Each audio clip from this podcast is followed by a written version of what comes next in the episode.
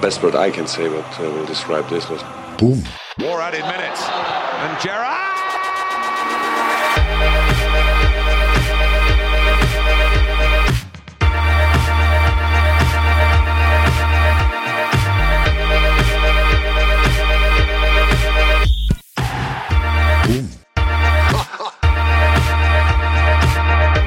You'll Never Talk Alone, en podkast av med og for Liverpool-sportere. We're gonna win the league runget utover Anfield i går. Selvledelsen er på 16 poeng med en kamp mindre spilt. Og for å snakke om verdens beste fotballag har vi med oss direkte fra Brauts syke Dortmund-by, Jan Åge Fjørtoft. Hjertelig velkommen skal du være. Veldig hyggelig å bli invitert. Ja, du skrev jo selv på Twitter at du skulle forsøke å samle noen eh, erfaringer om og fra Liverpool eh, bak kulissene. Så jeg tenkte vi kunne begynne litt sånn stort med hva er ditt beste Liverpool-minne? Ja, men det er veldig viktig at jeg tar her en ordentlig bakgrunn. For at jeg kan ikke begynne å kødde med, med de lagene som jeg da heier på. Det må ligge i bunn.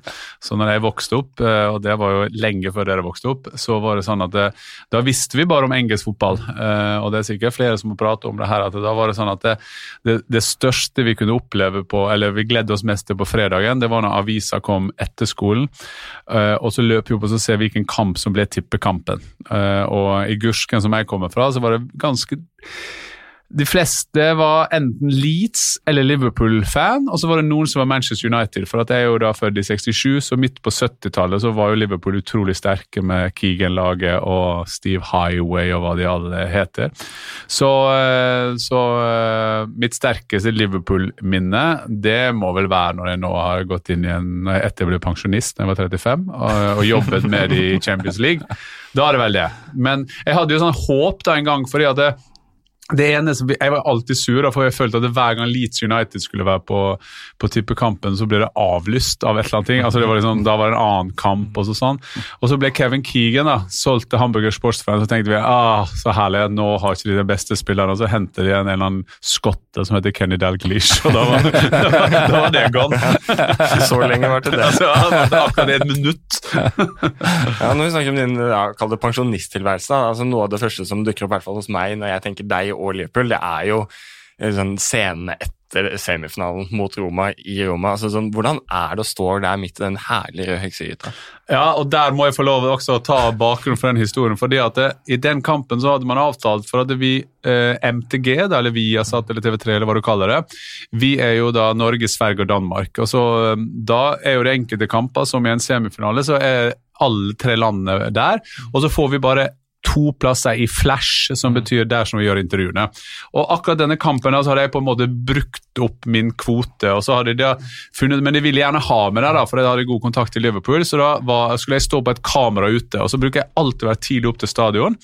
Og, og, så ser jeg at det kameraet som jeg skal ha, det er da utrolig bra plassert, for det er plassert der som Liverpool-fansen kom til å bli. Og da begynte jo mitt kreative og litt sånn eh, fannivoldske hode å begynne å ta ut noen planer, så jeg ringer jo da min redaksjonssjef, som er Sjur Molven, tidligere NRK, som er nå vår redaksjonssjef, og så ringer han og så sier han du Eh, Sjur, han har jo hørt mange rare forslag fra meg. Så sier jeg du, jeg har en, jeg har en, en, jeg har en plan. Og så sier han ja, er det lovlig?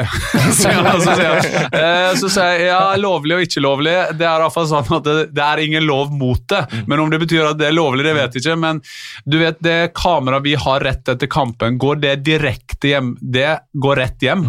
Ja.